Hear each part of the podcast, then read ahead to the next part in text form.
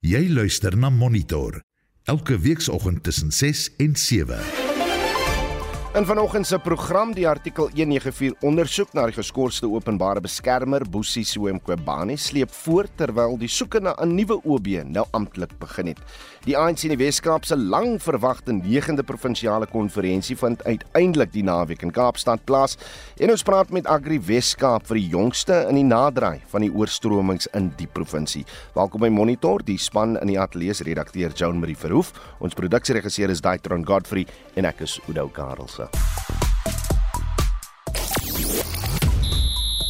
Die spanne is gereed vir die onder 20 rugby kampioenskap hier in Suid-Afrika. 'n Onbesliste uitslag beteken die Suid-Afrikaanse A-span verloor al 4 dag reeks teen Sri Lanka A en in die sportfokus gesels ons oor môre se Karibeker eindstryd. Ek is Shaun Jooste vir RSG Sport. Nou die Huts US Coast Guard is vanoggend veel besproke na die Amerikaanse kuswag bekend gemaak het soos jy nou in in die nuus gehoor het dat die vyf bemanningslede van die mini duikboot die Titan in alle waarskynlikheid reeds oorlede is. Vyf stukke van die duikboot is in die Atlantiese See of Noord-Atlantiese See ontdek. Daar word bespiegel dat die duikboot 'n uh, inploffing ervaar het en dat die insittendes op slag dood is, dit terwyl hulle 'n besoek probeer aflê aan die wrak van die Titanic ander kwessies om oor te gesels vanoggend want die Amerikaanse maatskappy Upside Foods and Good Meat wat hulle hoendervleis in 'n laboratorium produseer is goedkeuring gegee soos ek julle gister vertel het om die produk as regte vleis te bemark. Nou die maatskappy produseer vleis uit diere selle om sodoende kleiner impak op die omgewing te maak. Ons het uh, hierdie gesprek reeds gister in Spectrum gedoen. Ons het hom begin hier op monitor en ons wil nou dit voorsit saam met julle om te vra wat dink jy hiervan? Sal jy so 'n produk koop en eet? Jy kan 'n SMS stuur na 4588919 R1.50 per boodskap. Jy kan ook lekker saamgesels op uh, ons Facebookblad by facebook.com vorentoe skynstreep ZARSG. En later in die program berig ons oor 'n senior amptenaar van Johannesburg Metro, Sarika Lakrats Naidu, wat afgedank is nadat sy beweerde korrupsie binne die, die die departement van openbare veiligheid blootgelê het. Ons wil by jou weet of jy die vletjie sal blaas indien jy bewus raak van ongeruimthede by jou werk. Het jy dit al gedoen? Vertel ons van jou ervaring. Stuur 'n SMS na 45889, sal jou R1.50 kos per boodskap. Jy luister na Monitor elke weekoggend tussen 6 en 7. Dis presies 12 minute oor 6. Die kennisgewing vir die posisie van 'n nuwe openbare beskermer is reeds geplaas, terwyl die artikel 194 proses voortduur waarin die bevoegdheid van die geskorste openbare beskermer Boesie Siwemkwebane getoets word. Vir meer hieroor sluit 'n regskenner, advokaat Annelie De Vos by ons aan. Annelie, goeiemôre. 'n Goeiemôre. Eh, van ons luisteraars sal dit nou seker moeilik vind om te verstaan dat Kombani se amptetermyn binnekort verstryk, maar tog gaan die artikel 194 proses nog steeds voort. Ja, ek dink dit is belangrik um, in die opsig eerstens natuurlik as 'n president um, om aan te toon dat 'n mens moet maar verantwoording doen vir jou vir jou optrede. En tweedens omdat uh, sy nadat sy uh, uittreë uh, kwalifiseer vir 'n uh, pensioen, jy weet 'n maandelikse inkomste en natuurlik as hy geskort word uh, deur die parlement dan gaan sy dit nie uh, daarvoor kwalifiseer nie. En ek dink dit is in daai opsig vir haar baie belangrik. Daar's nou reeds miljoene rande aan haar regskoste bestee. Uh, maak dit nog sin om in die stadium haar bevoegdheid te bevraagteken? Ja, ek dink so in die lig van die feit wat ek gesê het oor die president en vir vir die toekoms. En natuurlik, ehm um, jy weet, uh, mens moet maar die gevolge van jou optrede dra. As sy dan iets verkeerd gedoen het, dan kan sy mos nie vir die res van haar lewe uh op ons belastingbetalers leef nie. Wat, is die proses wat nou volg, uh Anne Marie? Soos ek dit verstaan, het die voorsitter nou kennis gegee sy moet uh sekere vrae of mondeling of skriftelik onder eed antwoord want sy wil mos nou nie meer verskyn nie omdat sy ontevrede is met die regsverteenwoordiging en uh, daarna as sy dit nie doen nie of as sy dit klaar gedoen het dan moet sy 'n uh, voorleggings maak om om haar saak te stel en skriftelik of mondeling sy kan kies en daarna gaan die uh, komitee besluit neem en dit na die parlement verwys. Hoe hoe lank voor die nuwe openbare beskermer uh, die amp beklee? Jongs, soos ek het verstaan, moet hulle haar aanstel voor die einde van Oktober wanneer die ander termyn verstrek. En en sou Nkwebani haar haar saak wen, gaan dit enige impak hê op die nuwe amptdraer of nie? Nee, nee, dit sou glad nie, want sy sou in elk geval mos ehm um, uittreë. Uh, is daar 'n paar lesse te leer uit die vorige proses, die aanstellingsproses van die openbare beskermer? ek sou graag wou sê daar's heelwat lesse uit te leer, maar of ons dit gaan leer is natuurlik 'n ander saak, want die uiteindelik word die openbare beskermer aangestel deur die parlement en die parlement is 'n politieke uh samestelling. Hmm. So daar gaan altyd politiek ter sprake wees, net soos wat my met Makwebani se aanstelling die geval was. En ek uh twyfel of of dit in die toekoms 'n verskil gaan maak. Dit was regskenner advokaat Anne Marie De Vos. 'n Senior amptenaar van Johannesburg Metro is afgedank nadat sy die vletjie geblaas het oor beweerde korrupsie binne die Gautengse departement van openbare veiligheid. Sarika Lakraj Naidu Die departement se voormalige hoof van finansies is verlede jaar geskort nadat sy onreëlmatige uitgawes van sowat 8,2 miljard rand binne die departement blootgelê het. 'n Dissiplinêre verhoor is eh, teen haar ingestel en sy is verlede week amptelik uit haar amp verwyder. Sy is skuldig bevind aan onder meer oneerlikheid, intimidasie en afknouery. Van die mense wat haar hiervan beskuldig, is van diegene wat in die beweerde korrupsie geïmpliseer word. Sy reaksie hieroor praat ons nou met die politieke kommentator van Akademia professor Pieter Dievenage. Pieter, goeiemôre. Goeiemôre Oudo. Wat is jou aanvanklike reaksie oor wat hier aan die gang is? Uh my eerste reaksie is dat ek glad nie verras is nie, ehm um, want wat hier afspeel ehm um, is iets wat ons nou al voorheen ook baie keer teengekom het.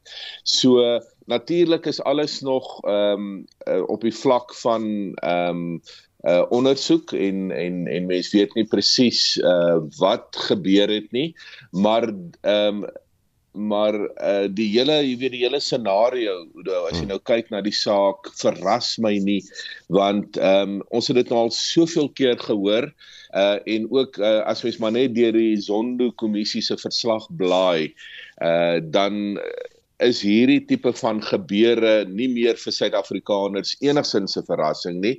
En uh en ons gaan nou maar moet kyk wat gebeur, maar uh, dit is my eerste reaksie. Wat wat haar wel blootstel dink ek Pieter is die feit dat die valke en die spesiale ondersoekeenheid nog nie hulle ondersoeke na die beweerde korrupsie afgehandel het nie. Ja, dis die dilemma. Uh mense kan nou nie konklusief hieroor praat nie hmm. want die proses is nog nie afgehandel nie en 'n mens hoop maar net dit is nou die uh dit is die verwagting van die publiek dat die valke en die nasionale vervolgingsgesag uh hierdie saak deeglik sal ondersoek want ons praat nou nie van 8000 rand nie, jy weet, ons praat van 8.2 miljard rand. Ehm um, en ehm um, ek moet ook vir jou eerlik sê dat uh die aantuigings dat sy oneerlik was klink vir my 'n bietjie ver gesog. Ehm um, uh, uh, maar ons moet nou maar die reg sy gang laat gaan uh sodat ons kan sien wie werklik die oneerlikes in hierdie saak was. Maar soos ek gesê het, uh die valke in die nasionale vervolgingsgesag het werklik waar saam met 'n klomp ander dinge en ek praat nie eens van die Zondo Zondo kommissie nie. Hmm, hmm. Ehm um, het hulle werk hierso soos die Engels sal sê cut out vir hulle self. Jy weet, hulle sal hierdie werk baie deeglik moet doen, maar ons as publiek is ook nou al 'n bietjie uh jy weet ons het al die ervaring dat dit ook nie so goed gaan daar nie. Uh en uh mense kan maar net hoop die valke en die NVG doen hulle werk. Na die moord op Babita Diokaran was daar groot hmm. druk om meer beskerming te bied aan vletjieblassers. Sedertdien het enigiets verander. Nee, ek dink ehm um, hoe so hoe groter die saak uit die aard van die saak, ehm um, hoe groter die gevaar. Ek dink dit is die beginsel wat 'n mens maar moet aanvaar. Ehm um, ons het ook nou gesien ehm um, rondom jy weet Andre de Ruyter, hmm. pardon, dat ehm um, jy weet uh, dat enige vorm van aanmelding van hierdie sake en ons gee dit nou die naam vletjieblaser ehm um, plaas die persoon wat dit doen in 'n baie moeilike posisie en dit is baie jammer uh dat dit gebeur want in 'n in 'n werkbare demokrasie, in 'n gesonde demokrasie, moet dit glad nie die geval wees. Jy kyk in 'n gesonde demokrasie moet 'n vletjie blaaser omtrent nie gebeur nie want uh, die jy verwag dat die strukture en die die administrasie binne 'n departement van so 'n aard is dat so ietsie sal gebeur nie. Maar selfs wanneer jy 'n vletjie blaaser het, moet dit eintlik normale praktyk wees en moet dit deur die reg gehanteer word. En wil mense nie doodstrygemente en selfs in Suid-Afrika die geval van sluipmoord ehm um, hê in sulke gevalle nie maar dit is ongelukkig nou wat ons uh, beleef en en wat met uh, ons uh, weet wat gebeur hier te midde van ons Professor Pieter Dievenage, dankie vir jou tyd op Monitor. Hy is 'n politieke kommentator verbonde aan Akademia. Die ANC in die Wes-Kaap se 9de provinsiale konferensie vind uiteindelik hierdie naweek in Kaapstad plaas. Volgens die party het struikelblokke soos COVID-19 en 'n gebrek aan befondsing tot talle vertragings gelei. Volgens die ANC se provinsiale hoof in Nobelumko en Kontlo is ekonomiese ongelykheid een van die sleutelkwessies wat die naweek bespreek sal word. Objective of releasing these discussion documents is to enable members of the ANC deployed by various branches into the conference to have wide-ranging discussions on the policy and organizational matters, express their different views and emerge with a set of said proposals that will serve as a blueprint for the new provincial executive committee as they seek to chart a renewed path Van die ander kwessies het te maak met die ANC se interne struwelinge, insluitend swak strukture, lae lidmaatskap en staatswerkers wat uitvoering is met wat werklik in gemeenskappe aangaan. The delegates will also have an opportunity to discuss what has become cancerous within the organization, the influence of money in our politics. There will also be discussions on organizational renewal, on women and gender equality and how the broader socio-economic challenges of our people can be resolved. Die politieke ontleder, professor Zwelenzima Ndevu, sê daar's ook 'n paar ander moontlike vashaakplekke. This is long overdue, but I think what is important is that it will usher in hopefully a new crop of leadership for the ANC in the Western Cape.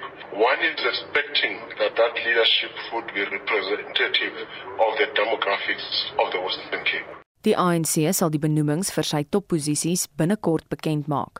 Sowat 700 afgevaardigdes sal na verwagting die konferensie in die Wes-Kaap bywoon. Die verslag van Mlamli Maneli in Kaapstad.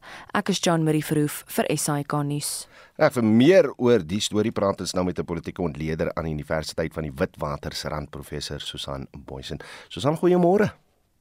Goeiemôre Oudo. As ons nou terugkyk, Nomendium Foketo was die laaste ANC verkose burgemeester van die stad Kaapstad. Ibrahim Rasool, as ek reg is, die laaste premier ANC verkose premier. Sedertdien was die ANC maar net sy eie grootste vyand in die provinsie. Wel ja, in baie opsigte kan mens so sê, want hulle kon eenvoudig nie hulle eie interne sake uitsorteer nie. Hulle kon nie 'n konferensie agter mekaar kry nie. Hulle takke was baie keer papiertakke wat geen werklike verbintenis gehad het met die mense op die grond nie. Die vraagstukke van die mense is nie werklik bespreek nie. En uh, die mense is nie oortuig dat die ANC die party is wat hulle belange kan vorentoe neem nie. Maar selfs selfs breër as dit. Dit die ontwikkelinge in die ANC Weskaap staan ook in die konteks van die breër nasionale ontwikkeling van die ANC. Weet daar was wel in 'n stadium groot hoop gewees met Cyril Ramaphosa se aankoms en oorname dat dit beter daar sou beteken vir die ANC. Dit het vir 'n kort rukkie vir alle rondom 2019 verkiesings so 4 jaar gelede maar dit het die on, ons sien na landwyd dat die ANC besig is in hierdie stadium om te taan en dat daar nie groot hoop en spesifieke redes is waarom die gety weer ten gunste van die ANC gaan draai nie. Dit wil sê in hierdie opsigte het die DA miskien die DA Weskaap ekskuus tog bedoel ek die ANC mm, in die mm, Weskaap mm. miskien die boot gemis om wel weer te herleef en hulle wel weer in die mag te vestig want die ANC landwyd is beslis in 'n fase van agteruitgang wat hulle miskien kan hoop om net net hier en daar vas te byt aan 'n provinsiale meerderheid en miskien selfs aan 'n nasionale meerderheid mm. maar in die algemeen um, sien ons nie daardie hoop vir die ANC om weer op te staan en mag oor te neem nie en dit geld dan beslis ook vir die Wes-Kaap. Kom ons kyk dan net na die interne politiek van die ANC in die Wes-Kaap spesifiek. Wat is die groot kwessies wat bygaan dra tot uh, die verkiesing hierdie naweek en, en hoe dink jy gaan hierdie konferensie verloop? Wie die, um, die groot kwessies gaan wees of daar 'n leier na vore kom wat die geloofwaardigheid het, wat die vertroue kan vasvang van nie net die afgevaardigdes nie, maar ook wat die weer die afgevaardigdes dat daar geloof kan wees dat hierdie persoon um oortuigend kan wees en kan omgee vir wys hoe die ANC kan omgee vir mense op die grond. En weet hier weet ons natuurlik dat werkskepping en sosio-ekonomiese agteruitgang ag misdaad groot groot vraagstukke is vir sowel vir die Wes-Kaap as vir die ANC landwyd en vir die kiesers hmm. landwyd. Enige party wat suksesvol wil wees, sal 'n baie oortuigende boodskap op hierdie um, aspekte moet kan oordra dra. En ek is bevrees as ek so luister na wat die ANC en miskien ander politieke partye ook in hierdie stadium die ANC sê wat hulle oplossings is en wat 'n gronde grond hulle die DA as regerende party tans in die provinsie kritiseer dan klink dit nie of die ANC 'n baie sterk saak het wat ek meen werklik die hearts and minds van die hmm. kiesers gaan aangryp nie Net net terwyl ons oor die Weskaap praat, uh, jou gevoelens oor Pieter Maree en die Vryheidsfront se se nuwe mosie vir onafhanklikheid van die Weskaap? Wel, ja, ek dink nie daardie mosie word baie ernstig opgeneem nie. Daar is natuurlik 'n sentiment wat wat nou reeds 'n rukkie lank loop dat die ANC in die Weskaap ehm um, en nie te vertrou is nie en dat daar nie werklik ehm um, kanse is op verbetering vorentoe nie en dat mense voel die Wes-Kaap moet 'n saak op hulle eie kan doen om weg te kom van die nasionale ANC regering af et cetera. Om mens kan op 'n sekere manier daai sentiment sentiment verstaan, maar ek dink baie beslis nie dit sal enigsins dit enigsins enigiets in die tank om ver afstand te loop nie. En dit was politieke ontleder aan die Universiteit van die Witwatersrand professor Susan Boysen baie dankie vir jou tyd op monitor. Wêreldnuus. Soos jy vroeër in die nuus gehoor het, is die vyf passasiers aan boord van die Titan dompelboot dood, maar die skeepers het meer besonderhede. Skout-admiraal John Mauger van die Amerikaanse kuswag het bevestig dat wrakstukke van die onderwater toeriste vaartuig sowat 500 meter van die boeg van die Titanic gevind is. Die oorledenes sluit in die 61-jarige bestuurshoof van Ocean Gate, Stockton Rush. Ocean Gate is die maatskappy wat die Titan bedryf het. Die 48-jarige Britse Pakistaanse sakeman, Shahzada Dawood en sy 19-jarige seun Suleiman die 58-jarige Britse sakeman Hamish Harding en die wêreldbekende ontdekkingsreisiger en avonturier, die 77-jarige Paul Henry Narjulay. I offer my deepest condolences to the families. I can only imagine what this has been like for them, and I hope that this discovery provides some solace during this difficult time and we're still working to develop the details. This is an incredibly complex operating environment on the seafloor over two miles uh, beneath the surface. And we've been able to classify parts of the pressure chamber for the Titan submersible. Die wrak van die Titanic is sowat 3800 meter bykans 4 km onder die water op die bodem van die Atlantiese Oseaan. Dit is sowat 600 km van die kus van Newfoundland in Kanada. Die passasiers het Sondag na die Titanic wrak afgesak, maar het slegs 'n uur en 'n 3 kwart later kontak met sy Kanadese ondersteuningsskip, die Polar Prince, verloor. Volgens gerugte het die Titan kort daarna reeds ingeplof. Die drukking op die diepte is nagenoeg 40000 ton. Now the search and rescue turns into a search and recovery as authorities attempt to investigate what led up to this tragedy. Rear Admiral John Mauger confirmed that five parts of the vessel were found approximately 1,600 feet from the bow of the Titanic wreck. Among the pieces of the Titan discovered at the site were a nose cone outside the pressure hull and a larger debris field. Admiral Mauger noted the noises detected Wednesday did not appear to have any connection to the sub. Die kusvag sê vanweë die diepte is dit onwaarskynlik of hulle ooit die slagoffer se liggame sal vind. En daardie verslag van ons Marlie Skeepers.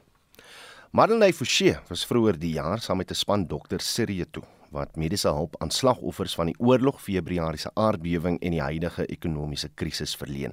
In 'n reeks van 3 bydraes wat uh, vat sy jou op reis om die mense te ontmoet wat gekies het om in die land aan te bly. En die laaste episode op die lys is Aleppo.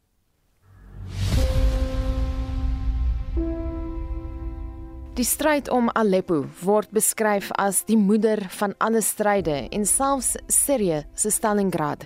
Dodelike gevegte en bomaanvalle het daartoe gelei dat die tweede grootste stad in die land sowat 60% verwoes is. En nes 'n mate van vrede herstel is, gebeur die ondenkbare.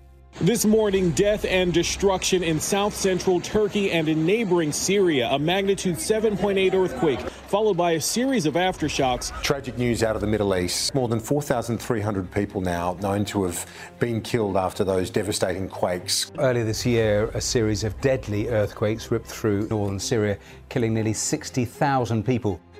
Aleppo is een van die stede wat geraak is deur die aardbewing en dit laat mense wonder. Hoe leef mens in 'n stad waar die dood om elke hoek en draai wink? Die is die storie van drie vroue wat 'n oorlog, 'n pandemie en dodelike aardbewings in Aleppo oorleef het.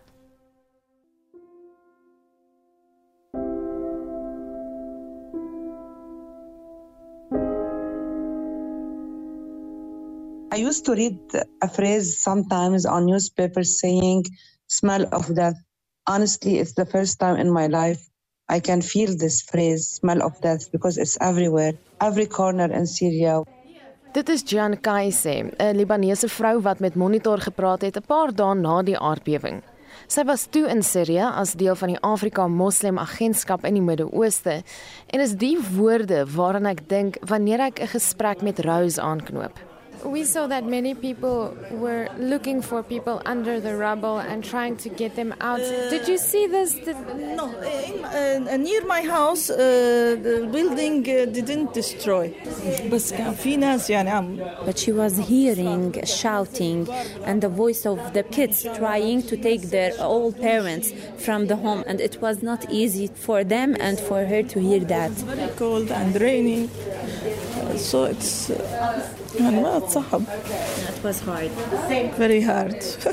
we ran to the streets and uh, we just stayed there for one day. And after one day, we back uh, to home to get our stuff, the important things. And uh, after that, we never uh, come back for 15 days. So, for 15 days, you didn't live inside your own house. Where did you sleep? We slept in the car. That must have been so hard. Yes, it was so cold, and uh, We were terrified bad people. En dit is die 28-jarige Miriam. Ons is almal in dieselfde woonstel want ons ken Zuka, 'n vroue predikant in Aleppo. زلزال يعني كشف الحقائق. When the earthquake happened, the earthquake showed everything and all those people who are poor people, they were seen. لا ايش في فرق بين الزلزال The difference between earthquake and ISIS داعش كان بيحارب منطقة منطقة ISIS were trying to fight places يعني ممكن مثلا بس الزلزال حارب حلب كلها But the earthquake like fight all Aleppo so all of them were in the street oh, In the world I see many things oh. uh, أنا Rose het uiteindelik 'n smokkelaar geword, maar voordat ons daarby uitkom, hoor ons van Miriam wat die grootste deel van haar jeug aan die oorlog moes afstaan. You must have been quite young when the war started. I think yes, 18 years. There was no electricity, no water and just like bombs everywhere and yeah, I don't want to remember even. What do you remember the most about this war? the bombs because they were uh, on my house. The voices, I can't um, forget that uh, that experience. One of my friends uh, were was died.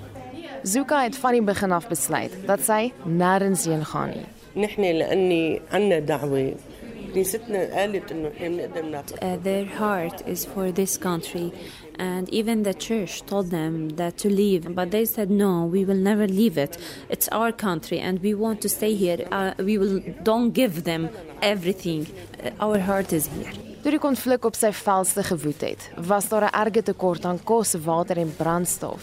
En die stad het op 'n kol 3 maande aan een geen kos gehad nie. حصار ما كان في اكل خبز ما كان في there were no bread ولا خضره ولا حليب no ولا vegetables جبنة، no ولا milk no بيض، ولا اي cheese شيء ولا اي شيء ولا nothing nothing nothing at all ما في.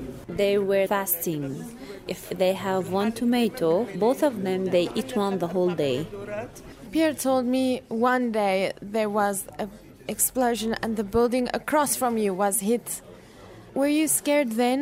نحن كنا عم نصلي وبنطلب when we were seeing these things we're praying and asking for God's spirit and for God's help صوت من عندهم كنا بنصرخ يا يسوع every time you hear sounds from them we shout Jesus please help us Die nood in die stad het Rose gedwing om haar vrese te oorkom.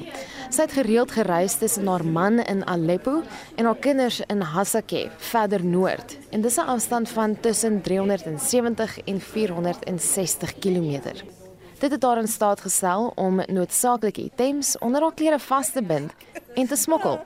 Anybody need uh, something from Aleppo? Anybody needs something from Hasake? I put it here. and she'll bring it and go back to Aleppo with it yes في مرة حتى جبت So when she arrived at Aleppo, she gave a bread for the taxi man, for her neighbors. What are, what are things like now for you? كل شيء مرة على We went through many hard things corona, war, earthquake. So now, whatever will happen now, they are not scared because they trust, they saw God's mercy and God's goodness in all of that thing. So, what, whatever will happen now, they know that they are not alone. I wanna leave my footprints on the sands of time. This world will see I was En dit was Beyoncé met I Was Here wat uh, daardie bydra van Marlenae Forsie afgesluit het. Jy luister na Monitor. Elke weekoggend tussen 6 en 7. Presies 20 minute voor 7. Groot skade is aangerig na giere weer die Wes-Kaap getref het. Damme het oorvloei, laagwaterbruid weggespoel en dorpe soos Citrusdal was van die buitewêreld afgesny. Daar is daarom 'n silwer randjie nadat die provinsie 'n paar droë dae beleef het. Vir meer oor hoe die situasie nou daarna uitsien, praat ons met die bestuurshoof van Agri Wes-Kaap, Jannie Strydom. Jannie, welkom terug. Goeiemôre Oude en goeiemôre aan die luisteraars. Jy het ons vroeër in die week op hoogte van sake gebring. Jy het bietjie van 'n voller prentjie. So kom ons begin net eers met Citrusdal. Ek verstaan die dorp is nou nie langer afgesny nie. Ja, uh dis nie die hooftoegangsroete uh, van die N7 wat herstel is nie, Oude, maar dit is gegee die watervlakke wat nou al afgeneem het waar ons nou op later uh, lagwaterbrug uh deur 'n produsent se plaas uh toegang tot die dorp kan kry, ja.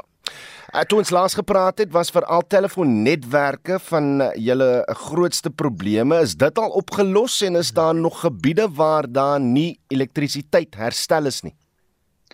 Ja, ek dink om te begin met elektrisiteit, ons is baie dankbaar dat Citrusdal se uh myn toevoer uh uh of hooftoevoer skus uh, uh herstel is. Ehm um, danksy 'n uh, helikopter van van van die weermag ook wat gehelp het om personeel by die by die punte uit te kry waar waar die herstelwerk gedoen moes word. Ongelukkig is daar nog areas ehm uh, wat, wat elektrisiteit die die elektrisiteit herstel moet word. Ehm um, en gegee die die elektrisiteit wat uh, die groter deel herstel is is is uh, selfoonnetwerke ensovoorts ehm um, nou weer aan die gang. Maar ja, ons het nog sulke plekke waar waar waar daai uitdagings is uh, wat nog herstel moet word. Ek weet is tans 'n assessering uh julle is besig met 'n assessering. Ons gaan nou daaroor praat. Ek wil net weet is daar enige gewasse uh, waaroor julle tans bekommerd, regtig bekommerd is uh, oor is? Dit is nog steeds maar die sitrus, maar ehm um, die terugvoer wat ons ook kry is dat produsente uh, weer met die oesproses kan aangaan. Die uh die die die grondtoestande is van so hard dat hulle weer in die boorde kan kom. So ons hoop maar jy weet dat die skade dan beperk is wat dit dan betref. So ja, die sitrus is maar vir ons die op hierdie stadium die grootste uitdaging en die sandveld het ons gesien uh soos die woord sê sandveld die dreinering weet ons is is dan mos nou goed daar. So wat die aardappels sou kan betref is is die produsente besig om uit te haal dit wat uitgehaal word. So ja, dis maar net die sitrus wat ons monitor en sal ons eers dan nou later weet wat die skade presies is aan van die vrugte. Maar hoe lank gaan hy assessering dan plaasvind? Kyk, Oudo, dit is ehm um, ja, dit is 'n groot dele van die provinsie, so rampbestuur en departement landbou uh werk onverpoos om om om daai terugvoer te kry en daai areas te besoek. Ehm um, maar ja, daar's die, die die groot skade is aan infrastruktuur. Dis die paaie, hoofsaaklik paaie. Uh en veral die grondpaaie. Dis op hierdie stadium Jy weet as ek sommer daarbey kan aansluit, ons grootste uitdaging op hierdie stadium, nie net die teerpaaie mm, mm. so seer nie, maar die grondpaaie, die toegangsroetes na plase is 'n enorme uitdaging vir ons op hierdie oomblik. Gaan iemand 'n ramptoestand hier verklaar? Is dit nodig? Kyk ons wag nou vir daai assessering en die omvang te bepaal maar my vermoede en dis maar nou net my persoonlike vermoede is dat die provinsie wel sal aansoek doen uh vir 'n rampverklaring van die uh, van uh nie net sekere munisipaliteite nie maar van die provinsie as 'n geheel. Ek dink persoonlik en weer eens my persoonlike opinie dis die omvang gaan van so hard wees dat dit geregverdig sal wees en dat ons dan uh kan aansoek doen vir vir fondse van nasionaal ook om ons daar uh, om ons te ondersteun. Ja kyk julle boere kan nou nie oorleef sonder weervoorspellings nie. Ek sien as nou twee koue fronte op pad Kaap toe. Wat watter indien enige invloed sal dit hê? Ja, ons ons sien eintlik uit uh, laat ons nog tot maandag uh, so 'n bietjie sonskyn net en uh laat die grond kan afdroog, maar ja, ongelukkig uh, amper seker nou ongelukkig, maar ja, die voorspelling is dat dat Dinsdag ons weer 'n uh, reën op pad is. Ehm um, ja, die grond is versadig, hoe jy weet, so as mm, mm. ons as ons enige substansiële reën nou kry, dan dan loop die water, jy weet, en dan kan dit maar net weer die skade uh vererger. So ons glo vertrou dat dit um, dat dit 'n matige reënval sal wees wat ons volgende week sal ontvang. Janie Strydom, dankie vir jou tyd om monitor. Hy is die bestuurshoof van Agri Weskaap. Rolspelers in mynbou besin oor vroue se rol in die bedryf en hoe om die speelveld gelyk te maak. Dit neem plaas tydens die internasionale dag van vroue in die mynbedryf. Ons het gaan aanklop by Solidariteit se spesialis regspraktisyn wat haar toespits op vroue aangeleenthede in die mynbedryf. Hanni Jansen van Rensburg is vanoggend hier met ons. Hanni, goeiemôre. Ag goeiemôre Oudo, kan ek net 'n korreksie maak? Jansen van Vuren. Jammer. Uh, nie van jammer. Rensburg. Daar's ek het van Rensburg hier voor my ouma glad nie probleem nie. Hanni Jansen van Vuren. Nou nou Hanni, vroue was des jare nie toegelaat om ondergronds te gaan nie. Hoe ver het ons intussen gekom? Jong, ons het baie gevorder. Ehm um, in 2002 was daar omtrent 11000, net so 'n bietjie oor die 11000 vroue wat in mynbou gewerk het. En tans is dit naby aan 80000. Dis 'n bietjie moeilik om die syfers ehm um, akkuraat te bepaal want ehm um, ons minerale raad ehm um, bepaal die syfers, maar nie alle myne en mynhuise is by die minerale raad deel van hulle nie. So die syfers ehm um, kan ook hoër wees omdat daar kontrakteursmaatskappye is hmm. wat wyd in die mynbedryf werk. Sê my is daar sekere suksesverhale wat jy met ons kan deel? Ja, ehm um, een waarop ek baie trots is, is dat vroue hulle stem gekry het in die mynbedryf. Jy weet, ehm um, as jy nou dink uit omtrent 500 000 werknemers, was daar in 2022 net 11 000 vroue. Nou is dit 'n uh, minder uh, mynwerkers, maar meer vroue, so die persentasie het gestyg. Maar die vroue het in 2008 tydens ehm um, salarisonderhandelinge aangedui dat hulle klere nie vir hulle goed pas nie. Klere wat hulle ondergronds moet dra of selfs boogronds. Mm, mm. Omdat dit ehm um, 'n mans wêreld was en steeds is, was die oorpakke een stuk oorpakke. Mm. Maar soos ons almal weet, is mans en vrouens nie eenders gebou nie. So daar is toe tydens die salarisonderhandelinge besluit om 'n taakspan aan te wys. Nou die taakspan het daarna besef dat hierdie eintlik die uh, gesondheid en die veiligheid van vroue ehm um, raak en die aangeleentheid is toe verwys na die Raad op Myngesondheid en Veiligheid. En tydens die navorsing is daar regtig gevind, jy weet, praktiese uh goedjies wat mans byvoorbeeld nie aandink nie. Ehm mm, mm. um, dat wanneer 'n vrou badkamer toe gaan en sy het 'n een stuk aan, dan stel dit haar bloot. Ehm um, as sy van kop tot tone omtrent moet ontklee. Mm. Nou ehm um, die uitvloeisel van daardie navorsing en werk was dat daar 'n beleid stukke in plek gestel is dat die beleid tot op grondvlak gaan dat daar strukture geskep is. Daar is nou 'n advieskomitee vir vroue aangeleentheid geleenthede by die myn raad op mynveiligheid en gesondheid. Um, en daardie struktuur het in elke streek 'n uh, 'n uh, 'n uh, plaaslike struktuur en in elke werkplek. Hmm. So vroue raak nou betrokke by beleidsmaking uh in hulle eie werkplek. Hulle kan hulle het nou 'n stem gekry om te sê wat hulle behoeftes is. Hulle kan bepaal daardie oorpak as dit 'n twee stuk is, hoe lank mm, mm. uh moet die baadjie wees? Wat wil hulle hê? Hoeveel sakke wil hulle hê? Hoe moet die skoene wees? Uh watter kleure? Ehm um, want daar is ook vrouens wat uh, aanvanklik is daar baie gekonsentreer op pink klere. Hmm. Maar vrouens het gevoel dit ehm um, stereotipeer hulle weer. Ehm um, nou tans ehm um, het daardie forums uh, kan vroue nou hulle ander behoeftes ook na vore bring. En hulle doen dit. Ehm mm, mm. um, hulle tree sterk as leiers na vore. So vir my is dit uh jy weet is 'n groot suksesverhaal en dit het 'n uh, sekondêre bedryf um tot gevolg gehad ook. Mense wat da in daardie behoeftes kan vol uh doen. Anlie Hallo kan jy my hoor? Ek kan jou hoor. Jy jy jy wou net daar voltooi het oor uh die die die speelveld wat gelyk gemaak is en al die veranderinge wat plaasgevind het. Miskien moet ek net jou, jou ja. net vra.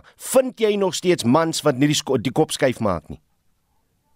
Ja, inderdaad. Vrouens word steeds gestereotipeer. Jy weet, ehm um, jy sal ehm um, mynwerkers kry onthou dat hulle kom van ver, dikwels van omliggende lande ook. So jy het 'n geweldige groot kultuur uh verskille in die mynbou en taalverskille. En dan sal jy 'n jong dametjie kry wat pas gekwalifiseerd is as 'n ingenieur of 'n geoloog en as sy vir daardie harde baard ou manne ehm um, 'n nuwe inligting gee of 'n opdrag, dan gaan hulle vir haar en dit gebeur dat hulle dan vir haar lag. En dan moet sy haarself van niks af bewys. En hulle doen dit, maar ehm um, dit werk beter natuurlik as jy mentorskappe het. Asai, dit was 'n spesialis regspraktisyn van solidariteit wat haar verder toespits op vroue aangeleenthede in die mynbedryf tussen advokaat Hanlie Jansen van Vuren. Ag Sean US te sluit by ons aan vir jongste sport nuus. Uh, môre Sean. Goeiemôre Oudo. Nou ek sien baie uit na die Karibeker eindstryd, uh, maar voor ons daarby uitkom, kom ons begin eers met 'n bietjie cricket nuus van die die vierdag cricket reeks tussen Sri Lanka en Suid-Afrika A. Uh is afgehandel met die tweede en laaste vierdag wedstryd wat onbeslis geëindig het. Het enigiemand al hand opgesteek vir die Protea span? Ja, oor die uh, draaibuller Sender en Mutusami het 18 paaltjies in die 4 dag reeks uh, plat getrek en ek dink hy verdeel, verdien beslis weer 'n kans om uh, deel te vorm van die toetspan. En dan so in die eendag reeks het sê ek uh, Tristan Stubbs nogal goed gedoen en hy kan ook wel baat vind om bietjie by die toetspan tyd te spandeer. En 18 paadjies vir Motosami gaan belangrik wees veral met die eh, besering aan Keshav Maharaj. Maar ons sal kyk na die keerders en wat hulle besluite is. Uh intussen 'n prentjie oor wie moontlik die laaste twee plekke vir die eendag wêreldbeker toernooi gaan opraap word bietjie duideliker soos die kwalifiseringstoernooi in Zimbabwe aangaan.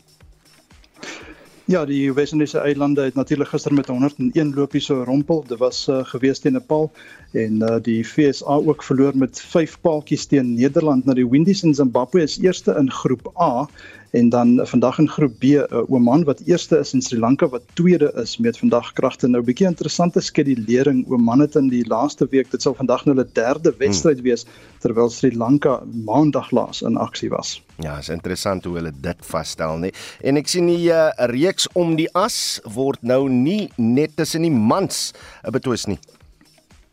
Ja nee, die vroue uh, as 'n reeks het natuurlik nou gister begin. Australië het die lood gewen en op dag 1 276 vir 6 in hulle eerste beurt aangeteken en dan herinner ons natuurlik het weer dat die manspan se tweede toets Woensdag begin met die Aussies wat daar voorloop, 1-0 voorloop. Lekker. Nou kan ek jy lekker rugby gesels voor die Karibeker uh, finaal môre. So kom ons begin eers met jou voorspellings verlede week. Ek weet jy wil my bly maak deurdat jy gesê het die die die bulle gaan seker goed vaar in die semifinaal, maar hoekom was hulle so swak 'n week terug teen teen die Cheetahs?